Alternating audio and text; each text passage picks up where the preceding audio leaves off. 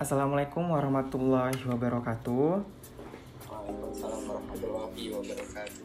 Selamat datang di Serata Sedekah Rangers Talk. Halo semuanya, apa kabarnya nih hari ini? Aku harap kabar kalian baik-baik aja nih insya Allah. Masya Allah sekali, senang sekali nih saya Wisnu bisa menyapa Anda sekalian di Sedekah Rangers Talk ini Setelah berbagai episode menarik nih di Serata nih teman-teman Kali ini kita akan berbicara mengenai peran pemuda terhadap bidang sosial dan kemanusiaan nih teman-teman. Jadi ini kita sebagai pemuda itu tidak harus baperan nih dalam artian bahwa perasaan. Namun kita sebagai pemuda juga harus baper dalam artian bahwa perubahan nih. Keren banget nih kira-kira temanya hari ini nih.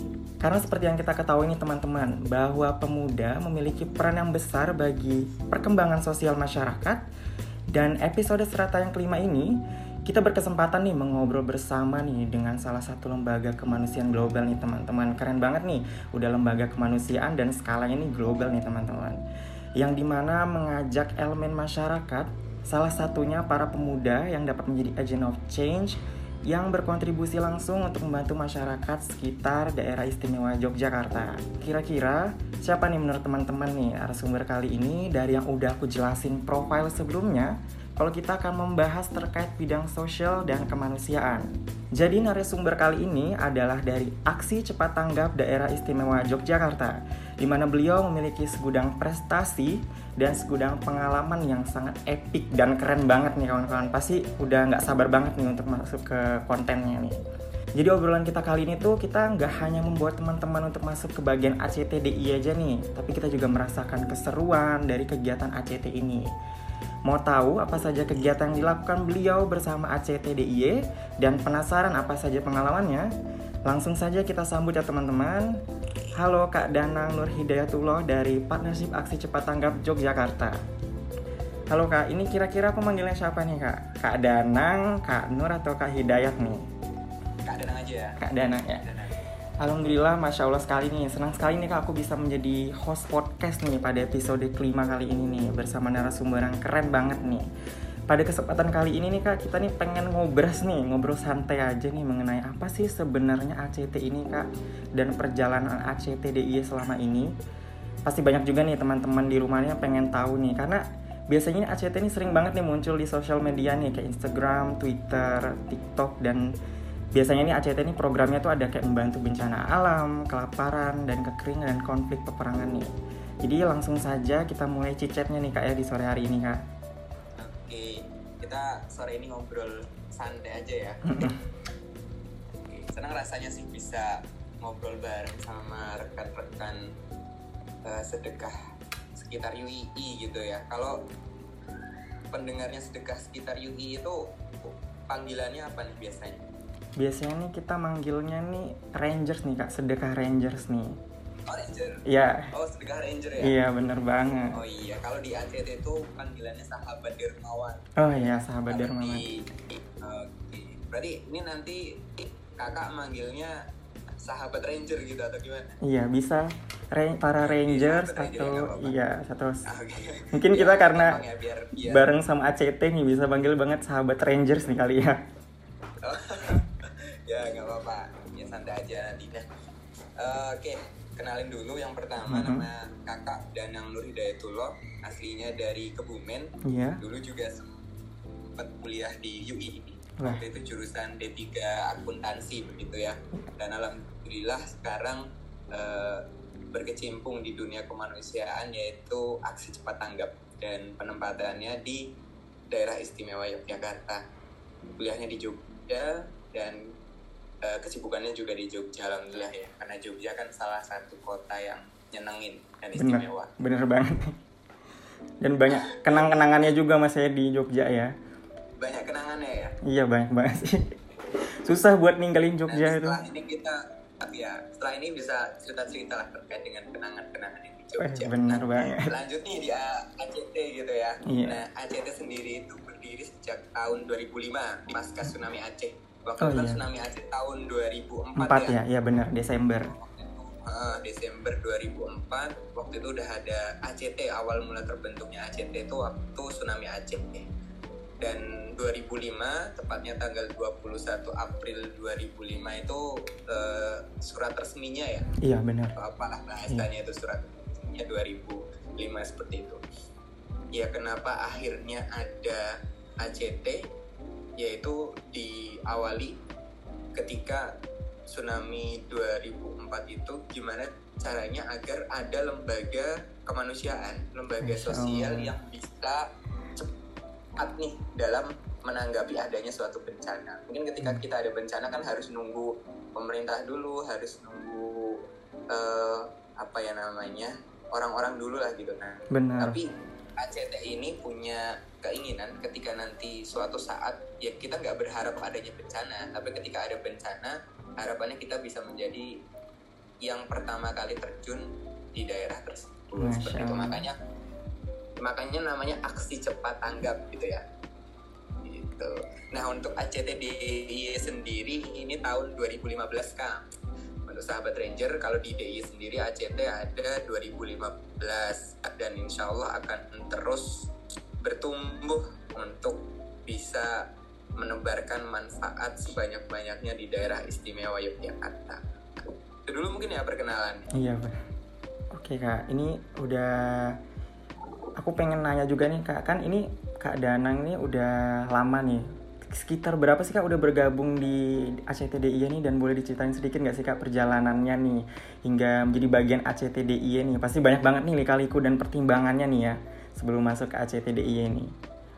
Oke, nah uh, sebelum gabung di ACTDI sendiri dulu waktu 2018 sempat ikut yang namanya MRI Masyarakat Relawan Indonesia-nya DIY DIY areanya di DIY. Nah MRI itu sendiri itu kan salah satu relawannya ACT gitu ya. Jadi kalau misalkan ada program-program kemanusiaan apa biasanya teman-teman relawan nih yang terjun ke masyarakat dan waktu itu di tahun 2018 di, di mana tahun tersebut itu menjadi tahun salah satu tahun bencana ya di Indonesia.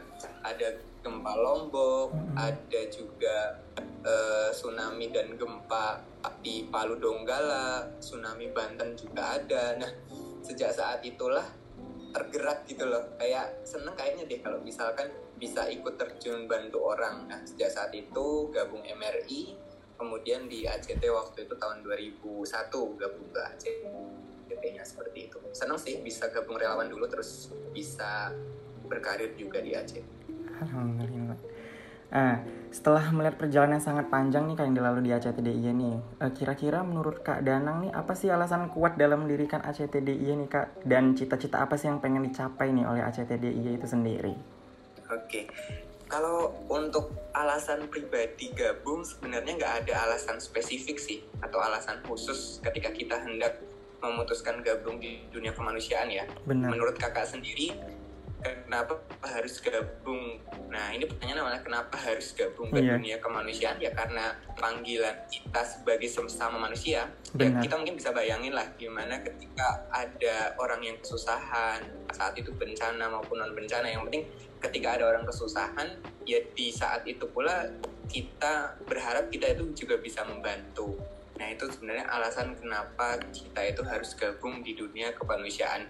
Kita mungkin juga bisa bayangin, coba kalau misalkan kita berada di posisi orang yang sedang membutuhkan ya, atau orang yang sedang terkena bencana. Benar. Senang nggak sih ketika ada orang yang bantu, ketika ada orang yang menghibur, ketika ada orang yang memberikan bantuan. Nah ini juga bisa menjadi analogi kita ketika kita mempunyai alasan kenapa kita memang harus bergabung di dunia kemanusiaan tapi benar sih kak kalau misalnya kita tuh jadi relawan terus membantu sesama tuh memang rasanya tuh kayak puas gitu kak ya walaupun sebenarnya tuh capek gitu ya tapi kayak membantu sesama terus itu ngeliat mereka juga senang tuh ada kepuasan tersendiri gitu ya ada yang dicapai dari diri kita sendiri gitu ya mungkin di teman-teman sedekah sekitar UI ya iya. yang kadang biasanya ngasih apa gitu ya bingkisan iya. ataupun nasi ataupun apa yang mungkin uh, sebagaimana ACT mungkin juga ngasihnya juga gak seberapa. Tapi ketika melihat senyum orang yang kita kasih bener, itu kan kayak menjadi obat lelah kita ya. Benar. Benar banget sih. Soalnya tuh juga uh, sekitar tahun lalu ya kak. Aku nih cerita sedikit nih. Jadi uh, sekitar tahun lalu di bulan Oktober tuh aku ada ngikut gitu kegiatan tapi di di bawah dari Kementerian Sosial RI kak. Namanya tuh pejuang muda. Hmm. jadi tuh kita langsung diturunin nih ke sekitar dari 34 provinsi kita disebar ke berbagai desanya ada di 34 provinsi ini. Jadi kemarin kebetulan aku tuh dapatnya di Kalimantan Tengah gitu. Jadi kita bakal ngebantuin tentang masalah kemiskinan, masalah lanjut usia, bencana banjir, terus fasilitas fasilitas umum. Tapi kalau memang dibilang capek-capek tapi dari dari situ tuh kita kayak senang gitu ketemu mereka yang beda latar belakangnya terus tuh ngebantu mereka tuh senang banget gitu walaupun kerjanya juga sampai malam sih ya tapi kan terobati kan bener banget sih oke okay. Uh, eh, gimana sih kak uh, pandangan yang terlintas di pikiran kak Danang nih mengenai lembaga ACTDI nih setelah dan sebelum bergabung nih di lembaga ini? Oke, okay. pandangannya gimana nih? Mungkin kira-kira nih sebelum bergabung nih di ACTDI ini gimana sih dan setelah bergabung oh ternyata pas sudah gabung nih ternyata beda nih dari sebelum setel, sebelum yang kita bergabung gitu kak. Oke okay, oke. Okay. Ini yang terlintas di pikiran aja ya. Iya benar. Jadi kayak uh, dulu uh, salah satu alasan kenapa bergabung tuh dulu karena wih ngelihat postingan-postingan di Aceh itu kayaknya keren ya bisa bantu orang gitu ya bisa membantu orang bisa jalan-jalan kan dulu mahasiswa tuh seneng kan ya jalan-jalan bener gitu ya. bener banget jalan-jalan bantu orang uh, berarti nilainya plus tuh. Ya kita dapat hiburan kita dapat insya Allah dapat pahala juga lah iya kan? bener. kan? Nah makanya dulu ketika sebelum bergabung itu kayaknya ngeliat ACT itu wih ini lembaga yang luar biasa. Seneng deh ketika bisa gabung gitu kan. Ternyata ketika masuk lebih luar biasa lagi. Luar biasanya karena apa? Karena ternyata bisa merasakan langsung betapa banyak orang yang bisa kita bantu gitu. Ya walaupun kadang bantuan kita juga belum bisa maksimal ya. Iya, tapi di situ tetap ada rasa senangnya seperti itu. Gabung deh kapan-kapan ke ACT pengen banget sih kak. Cuma belum dapat informasi lebih lanjut nih. Gimana sih cara gabung di ACT gitu loh? Jadi masih kurang minimnya informasi sih sebenarnya. Sayangnya juga mau cari-cari tahu gitu karena nggak punya kenalan di ACT-nya dia agak susah gitu.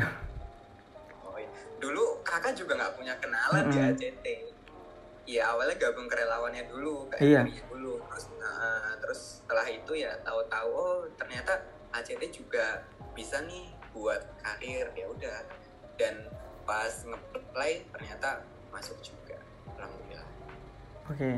uh, eh, ini kak setelah kita melihat uh, secara bersama nih background dari lembaga ACTDI ini kita ini kan pengen tahu nih kak danangnya terkait program kerja atau kegiatan yang dimiliki ACT ini dan juga uh, memiliki rencana untuk meluncurkan program kerja baru nih. Kira-kira boleh di spill nggak sih kak?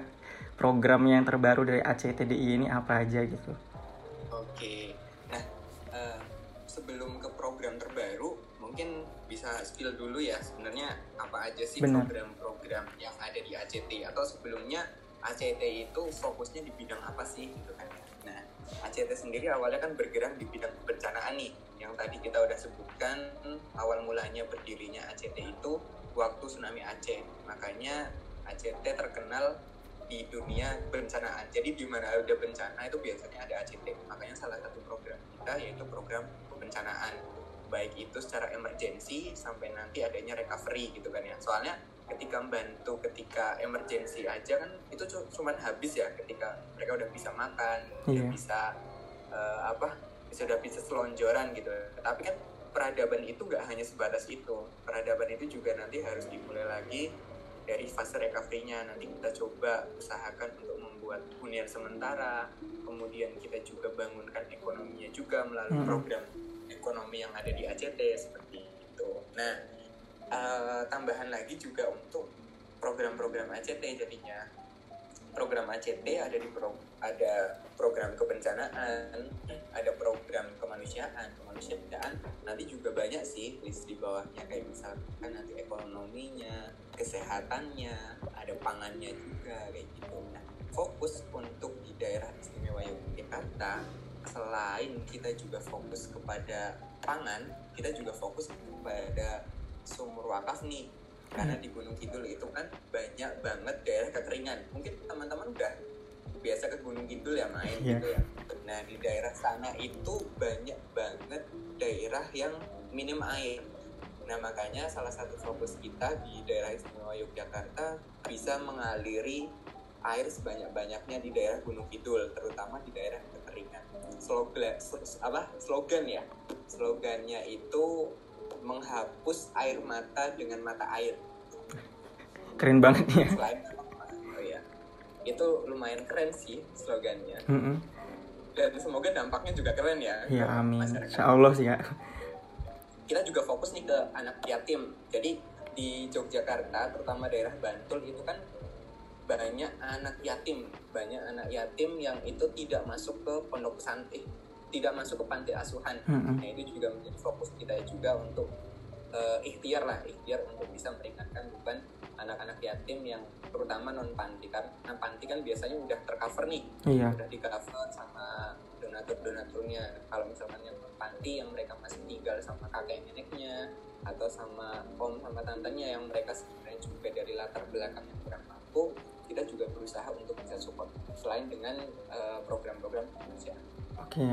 ini aku juga penasaran sih kak kira-kira tuh uh, udah ber ini kan udah kak Danangnya udah bergabung di ACTDI ini. Kira-kira tuh dari selama pengalamannya ini tuh uh, masalah terbesarnya selama yang udah dihadapin itu apa sih kak? Kalau misalnya kemarin tuh kan aku pas di Pejuang Muda itu dia masalah terbesarnya tentang kemiskinan nih karena benar-benar bantuan sosial tuh nggak tersalurkan secara benar gitu.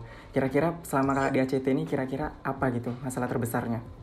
Oke, uh, permasalahan terbesar yang ini mungkin lingkupnya DIY dulu ya. Iya benar. Permasalahan yang ada di DIY ini sebenarnya juga lumayan kompleks gitu ya, lumayan kompleks dan beragam sebenarnya. Jadi setiap kabupaten, jadi kan di Jogja itu ada beberapa kabupaten tuh ada Sleman, Kidul, Bantul, Bantul ya.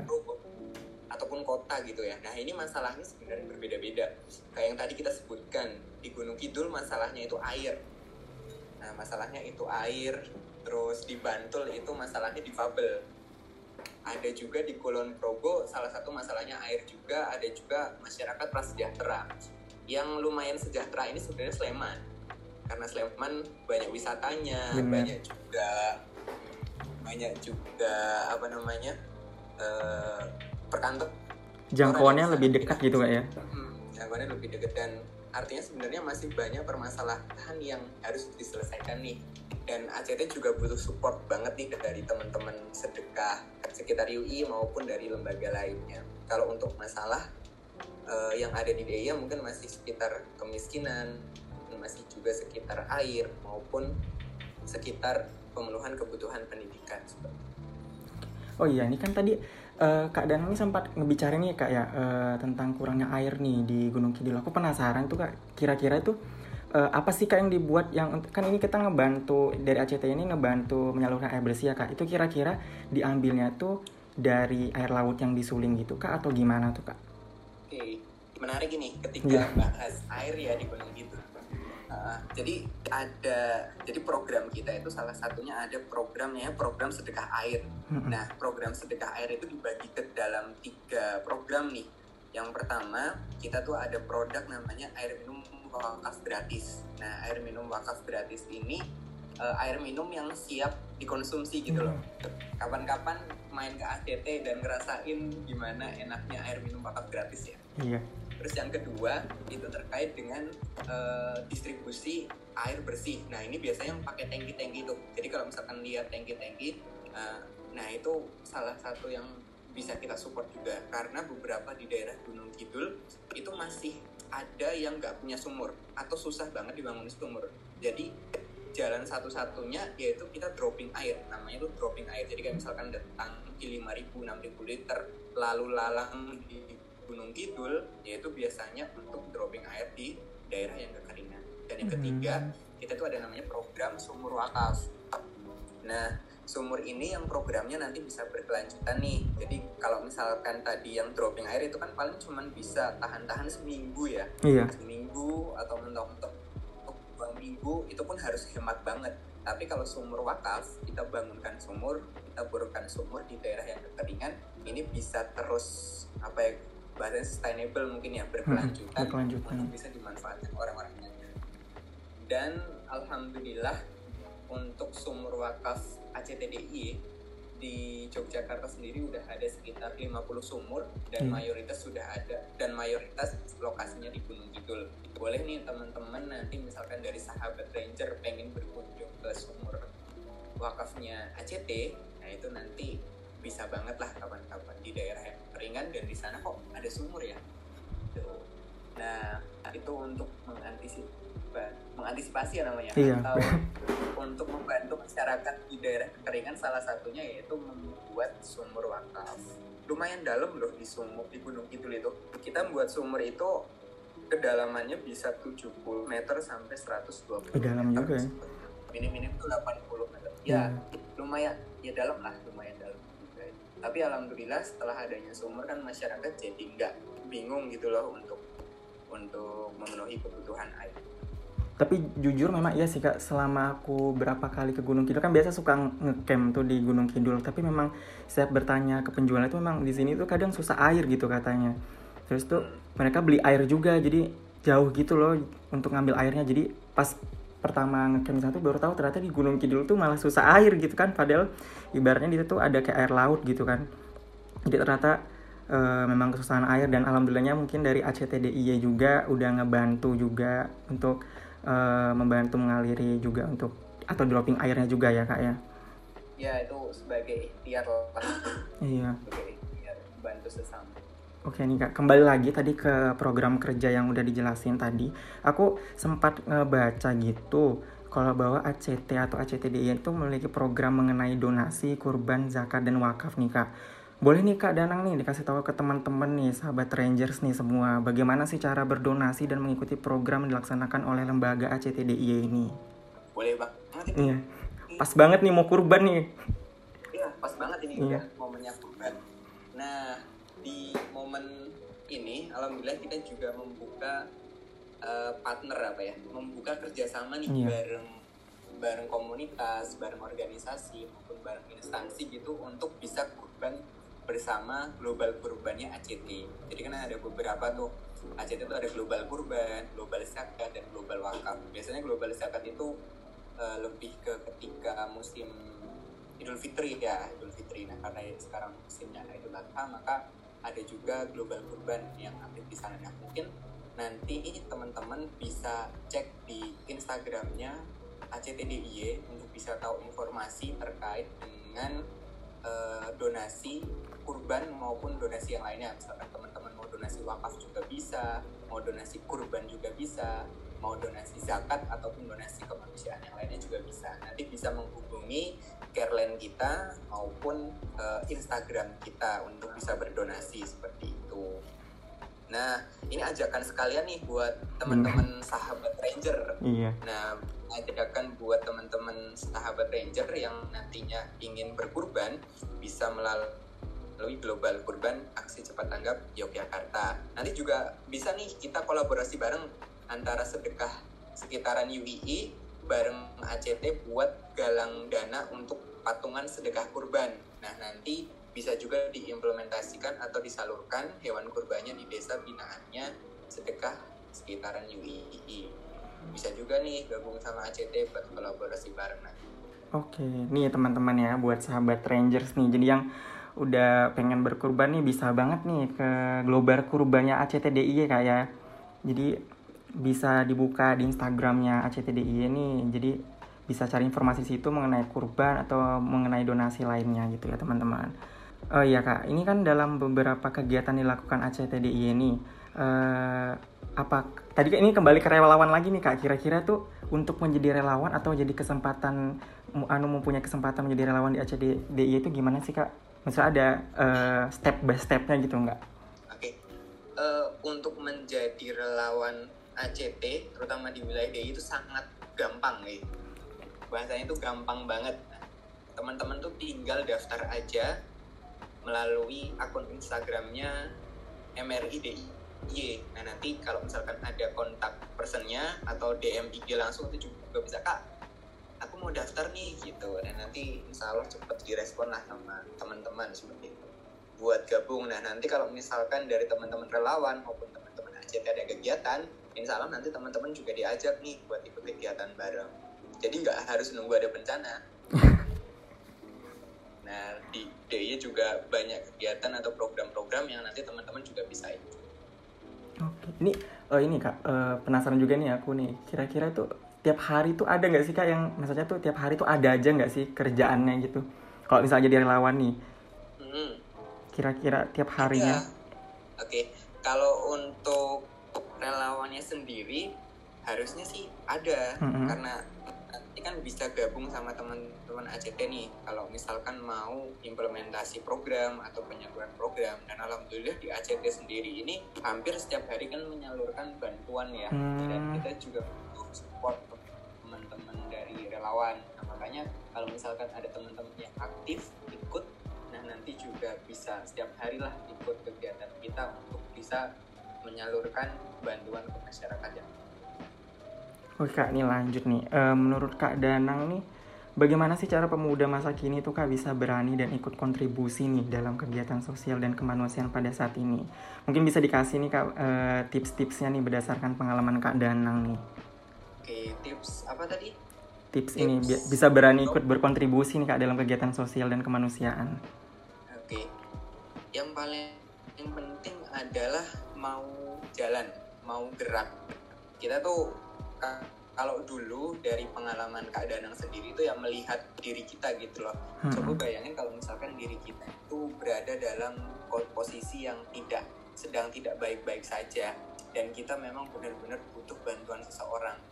Ya mau nggak mau itu kita bisa analogikan oh iya ya kalau misalkan aku juga nggak ada yang bantu juga apa ya bahasa Jawanya itu melasi ya kasihan juga ya aku iya. tapi kalau misalkan ada bantu yang bantu kan aku senang gitu ya Nah itu bisa jadi motivasi terbesar sih ketika kita e, menganalogikan hal tersebut. Jadi kita melihat diri kita dalam posisi hal dalam posisi yang sedang tidak baik-baik saja. Nah itu bisa menjadi e, pacuan lah untuk kita itu bisa semangat untuk bisa bergabung di dunia kemanusiaan. Tapi jujur sih kak, memang dulu aku pas awal-awal juga itu e, takut sih untuk uh, join nih kayak ke bidang sosial gitu-gitu. Tuh karena kadang kalau sendiri tuh nggak berani gitu ya kayak perlu ada temen yang nemenin gitu biar nggak merasa sendiri gitu takutnya nggak dapat teman atau apa gitu kan. Tapi setelah udah mencoba gitu udah kayak udah harus memang harus berani nih namanya panggilan gitu kan dan ternyata juga kemarin lulus yang dari kementerian itu ya udah mau nggak mau harus pergi. Dan ternyata banyak yang didapatin gitu loh insightnya dari uh, pengalaman-pengalaman dan dari kegiatan itu juga gitu. Jadi memang nggak perlu ada rasa takut sih kalau mau ikut kegiatan sosial. Iya sih jangan jangan jangan ngerasa takut lah. Apalagi kalau misalkan niatnya itu niat kebaikan ya. Mm-hmm. kalau misalkan niat kebaikan dan kita agak takut itu juga mungkin jadi masalah nanti. Yang penting intinya tetap semangat benar Nah nih Kak Danang nih, boleh banget nih Kak kasih semangat nih untuk uh, para sahabat Rangers nih pendengar podcast kita hari ini. Mungkin mereka juga salah satu pemuda yang hebat nih yang sedang kita tunggu-tunggu untuk membawa perubahan. Siapa tahu habis selesai podcast ini dan mereka mendengarkan podcast ini ada yang baik yang join jadi relawan nih Kak di ACTDI ini. Ih mantep banget itu. Benar. Oke, ya uh, semangat untuk teman-teman sahabat Ranger di mana pun berada. Apalagi kalau misalkan banyak dari teman-teman itu yang uh, mahasiswa UI ya iya. mungkin setiap mungkin setiap hari kita tuh dicekokin dengan bahasanya dicekokin ya atau apalah gitu ya dicekokin di UI itu adalah uh, orang yang niatnya itu menjadi Islam rahmatan lil alamin. Benar. Rahmatan lil alamin itu kan artinya kita diberikan kebebasan pada kita semua untuk uh, dari golongan mana pun. Tapi intinya ketika rahmatan lil alamin itu biar bisa lebih luas lagi manfaatnya. Nah buat teman-teman sahabat ranger bisa nih gabung di MRI maupun ACT nanti untuk bisa memberikan manfaat yang seluas-luasnya oke. Nih selanjutnya nih kak. Nih pertanyaan ini epic banget nih berdasarkan pengalaman kak Danang nih bergabung di lembaga ACTD ini ada nggak sih kak kegiatan yang bikin kak Danang nih terharu dan nggak bisa ngelupain momen itu tuh? Biasa ada nih kak pengalaman-pengalaman yang nggak bisa dilupain nih. Oke ada nih ada. Jadi pengalaman ini belum lama. Padahal mm -hmm. uh, belum lama inilah. Padahal kan ACT udah lama ya di Yogyakarta maupun Indonesia gitu. Nah waktu itu kita waktu itu kakak itu pernah jalan-jalan ke daerah Pleret. Pleret itu daerah Bantul ya yeah. Bantul itu kan waktu 2006 itu kan gempanya luar biasa dahsyat ya baik itu di daerah Bantul, Klaten, bahkan kan terasa sampai ke Jawa Tengah. Kakak kan aslinya ke Bumen itu pun terasa banget waktu itu dan apalagi di daerah Jogja itu sendiri. dan ada ibu jadi pas nangkep mobil tuh mobil ada ACT-nya gitu terus tiba-tiba ada ibu yang ibu-ibu yang datang loh mas kok waktu ke sini tuh gak bilang gitu kan iya. padahal kalau bilang nanti kita siapin ah, kayak gitulah. Kita kumpulin teman-teman warga dan lain-lain gitu. Loh kan kakak tuh kaget ya. Iya. Loh, kenapa bu? Gitu kan. Soalnya kan kakak orang baru. Kenapa bu? Gitu kan. Iya mas soalnya ACT dulu yang pertama kali bantu kita ketika ada bencana. ACT yang hmm. membangunkan rumah-rumah hunian di sana dan menolong kita ketika ada bencana uh, gempa 2006 gitu ya. Ya otomatis langsung merebus mili gitu ya. Iya. langsung merebus mili soalnya uh, kakak sendiri nggak ngikutin waktu 2006 tapi ternyata uh, kenangan itu tuh masih melekat gitu ya? di orang-orang uh, di orang-orang daerah tersebut. Nah ini menjadikan kita itu apa ya lebih lebih senang lagi lah ketika nanti kita bisa menebarkan kebaikan kebaikan. nah ini menurut kak Danang nih sampai sekarang nih ada nggak ya cita-cita yang belum dicapai oleh ACTDI ini kak dan ke depannya apa sih yang akan dilakukan nih untuk mencapai hal tersebut? Uh, apa ya ini kalau bahas cita-cita mungkin lebih cocok kalau misalkan yang bahas itu atasan gitu ya. iya. ya. Soalnya mungkin yang lebih, yang lebih tahu itu ya. Ah, oh, yang lebih tahu. Tapi uh, mungkin ini pandangan kakak gitu ya. Mm -hmm. Pandangan kakak terkait dengan eh, cita-cita uh, yang ada gitu ya. Kalau dari ACT sendiri kan berharap itu bisa selalu membantu orang di mana pun ya di mana pun adanya ACT di situ juga ada yang terbantu gitu loh sebagaimana visi ACT itu kan menjadi organisasi kemanusiaan global profesional berbasis kedermawanan dan kerelawanan masyarakat global untuk mewujudkan peradaban dunia yang lebih baik. Nah, kalau misalkan kita seiringkan dengan uh, peradaban zaman sekarang ini kan juga belum belum maksimal juga ya. Artinya masih banyak cita-cita kita yang belum bisa tercapai. Kayak misalkan kita bisa merdeka pangan mm-hmm. kita bisa merdeka dalam kesehatan kita bisa merdeka dalam hal uh, sekolah pendidikan maupun yang lainnya gitu. Ini juga menjadi tantangan kita bisa mewujudkannya. Harapannya nanti uh, aksi cepat tanggap bersama dermawan-dermawan di mana pun itu berada bisa mewujudkan cita-cita untuk menjadikan peradaban yang lebih baik baik di Indonesia maupun di global. Oke, ini uh, kembali yang mengenai kurban tadi kak, aku pengen nanya dong kak, menurut kak Danang itu learning dari berku berkurban itu apa sih kak? Apa yang bisa kita pelajari gitu dari berkurban? Apa yang bisa kita pelajari dari berkurban? Iya. Ya? Nah, kurban itu kan artinya uh, kurban itu kan berasal dari kata korip ya? Iya benar. nggak salah nih ya iya. kalau nggak salah ya. Nanti teman-teman Yugi bisa meneruskan nih kalau hmm. misalnya ada kesalahan. Nah korip itu kan artinya dekat. Nah bahasanya sendiri artinya kita mendekatkan diri kepada Allah gitu ya. Yeah. kita, kita mendekatkan itu artinya kita mendekatkan diri kepada Allah. Nah harapan kalau di Indonesia sendiri kan ada kurban ada juga korban kalau kurban itu ya ketika penyembelihan ada daging ada hewan yang disembeli. Tapi kalau korban itu kan bisa korban perasaan bisa korban apa gitu ya. Nah, juga jadi kalau trennya kan korban perasaan gitu ya. Iya. Nah artinya apa yang bisa kita pelajari dari kurban itu sendiri adalah kita mengorbankan sesuatu dengan niat untuk mendekatkan diri kepada Allah.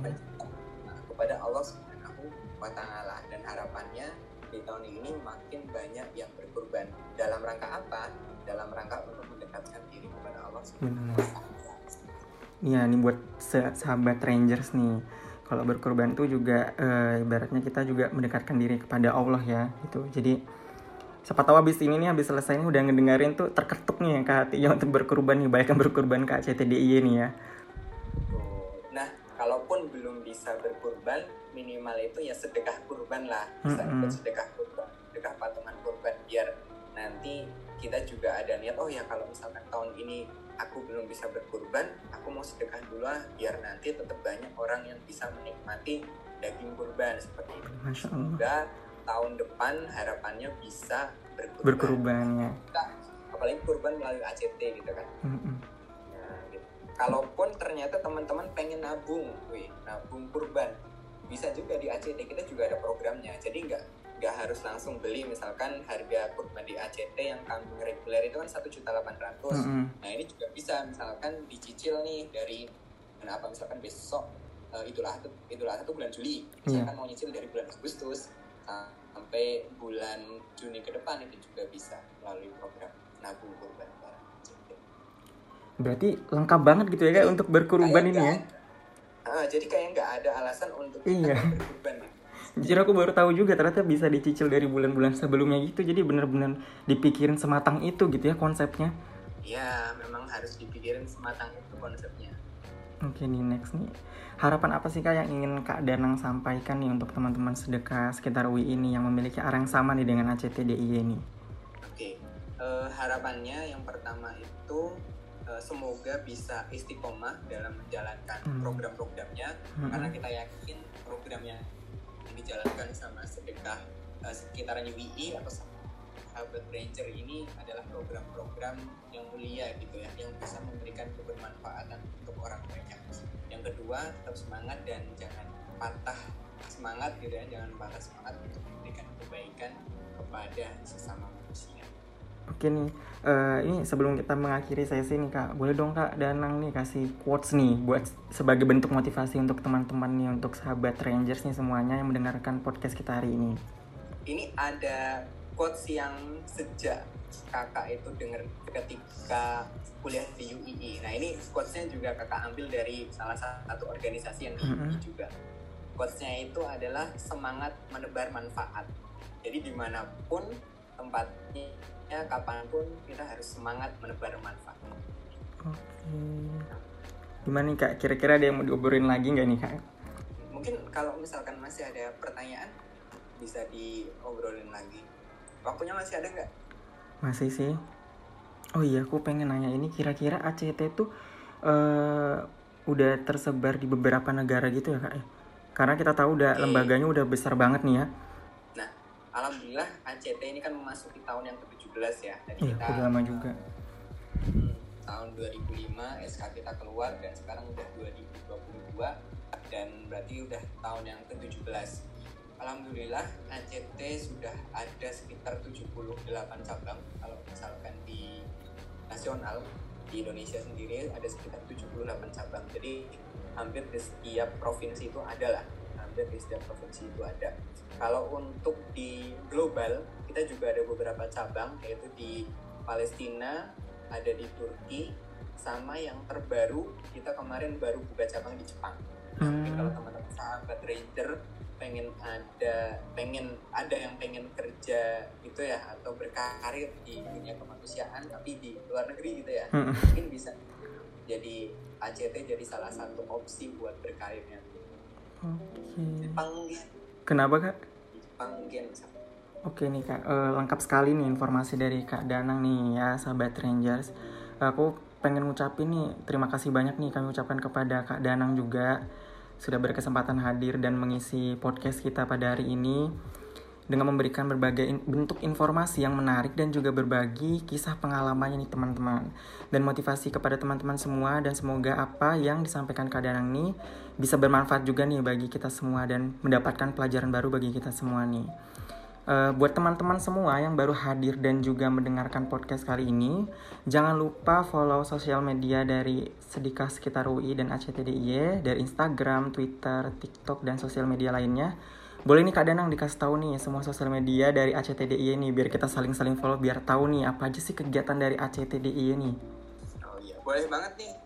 Untuk sosial medianya kita ada di Instagram yaitu @ac eh, @act underscore DIY. Nah, nanti bisa juga dilihat di situ.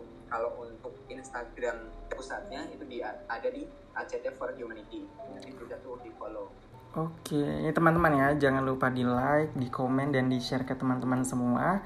Dan semoga ke depannya hubungan komunitas dan lembaga kita akan harus terus terjaga dan bisa berkembang untuk lebih baik di masa yang akan datang, serta bisa terus menjalin kerjasama di kesempatan berikutnya. uh, izinkanlah saya Muhammad Isnu sebagai host dan Kak Danang Nur Hidayatullah sebagai narasumber dari ACTDIY pamit undur diri pada kesempatan kali ini. Semoga kita dapat bertemu lagi di keadaan yang lebih baik. Sampai jumpa di episode Serata berikutnya, Serata Sedekah Ranger Talk. Sampai jumpa teman-teman semua. Wabillahi taufiq walhidayah. Wassalamualaikum warahmatullahi wabarakatuh.